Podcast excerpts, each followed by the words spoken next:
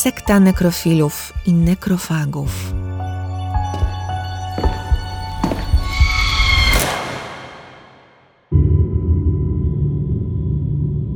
Nadzy lub otuleni całunami ze zwłok, wysmarowani ludzkimi prochami zebranymi z jeszcze tlących się stosów pogrzebowych. Nie obcinają włosów, nie golą się. Mieszkają na cmentarzach. Ludzkich kości używają do swoich rytuałów, wykonują z nich naczynia i biżuterię. Z czaszek robią dekoracje, ołtarze, kielichy i miski. Piją alkohol i palą marihuanę, siedząc na stosach trupów, by uzyskać wyższą świadomość i dostąpić połączenia z Bogiem. Medytują w nawiedzonych domach. Niektórzy z nich uprawiają seks ze zwłokami, wierząc, że uzyskają dzięki temu ponadnaturalne moce. Znajdują piękno w nekrofagii, czyli padlinożerstwie.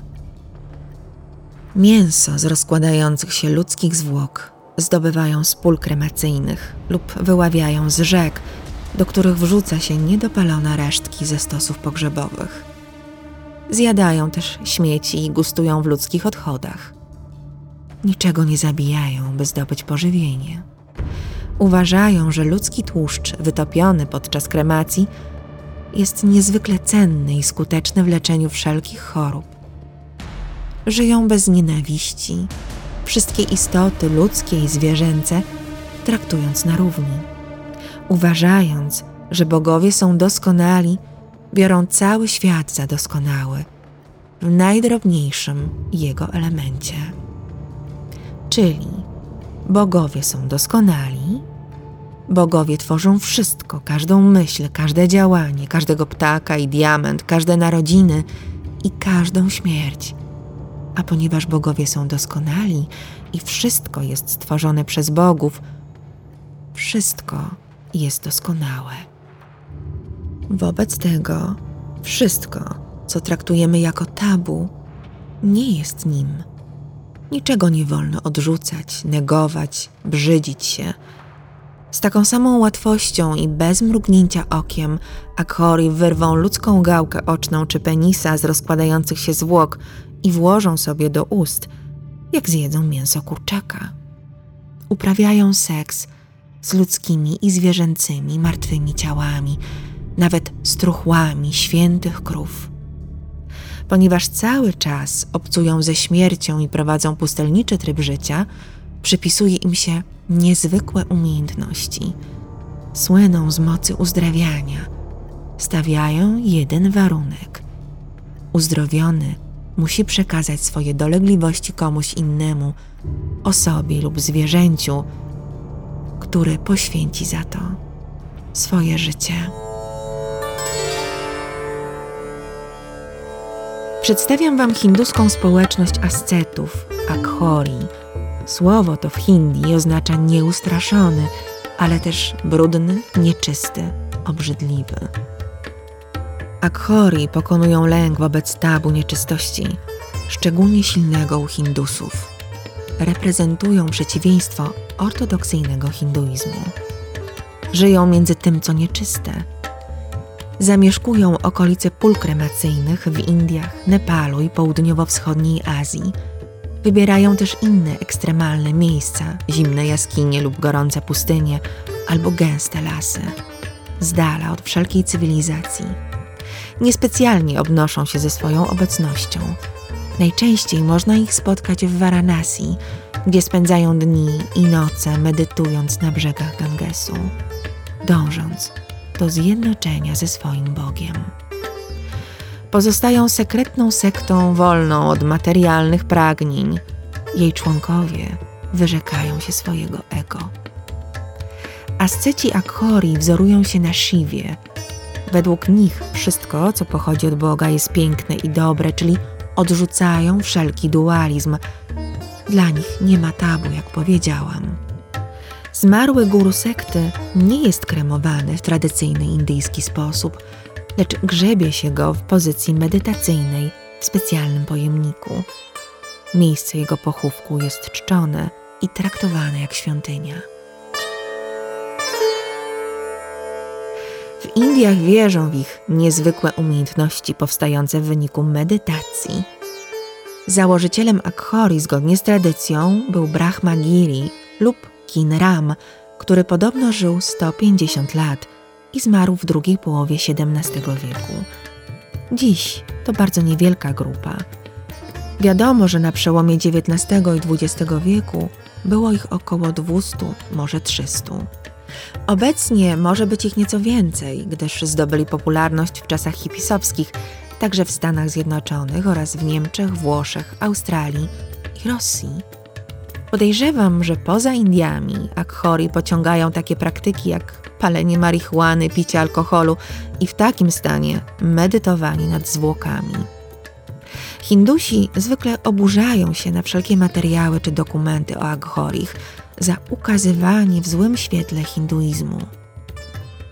Nie wnikam w aspekty religijne Aghorich.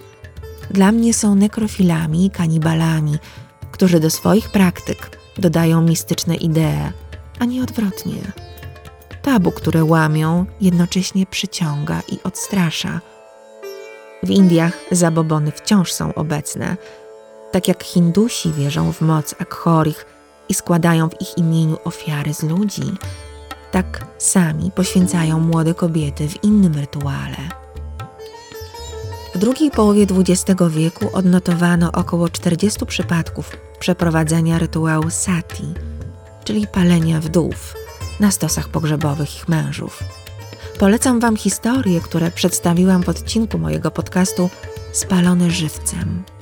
Niestety zwyczaj palenia wdów wciąż jest okazjonalnie praktykowany na głębokiej prowincji. W wielu wioskach dochodzi do tzw. Tak samobójstw wdów, które tak naprawdę siłą wrzucane są do ognia trawiącego ciało ich męża. Musicie wiedzieć, że nie był i nie jest to jedyny rytuał, którym zginąć muszą kobiety.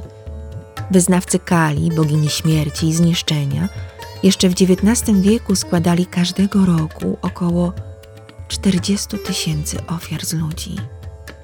Władze oficjalnie zakazują takich praktyk, jednak w XXI wieku nadal wychodzą na jaw tragiczne i makabryczne przypadki poświęcenia dzieci i kobiet na ołtarzu żądnej krwi bogini. Pewien hinduski wieśniak, Khudu Karmakar z Atapur, porwał z pomocą wspólników piętnastolatkę Manju Kumari. Mężczyźni związali i zakneblowali porwaną dziewczynę, następnie ułożyli na ziemi przed wejściem do świątyni. Khudu zerwał jej ubranie, ogolił głowę, skropił ciało wodą z Gangesu i namaścił oliwą żywej. Siekierą odciął dłonie, piersi i lewą stopę. Dziewczyna, wijąc się w męczarniach, wykrwawiła się na śmierć. Oficjalnie w Wielkich Indiach takie drastyczne sytuacje zdarzają się raz na miesiąc. Myślę, że można szacować, iż skala rytualnych zbrodni jest znacznie większa. Władze podejmują próby wytępienia przesądów i starych, okrutnych tradycji. Różnie się takie starania kończą. Od 2013 roku praktyki uzdrowień Akhori, o których Wam opowiadałam, są zakazane i karalne w Indiach. Akhori wierzą w czarną magię i uprawiają ją oraz składają nie swoimi rękami ofiary z człowieka – Adwokat, który doprowadził do ustanowienia zakazu ich praktyk, Narendra Dabholkar, został zamordowany 20 sierpnia 2013 roku. Był lekarzem, działaczem społecznym, który otwarcie walczył z zabobonami i zapłacił za to życiem.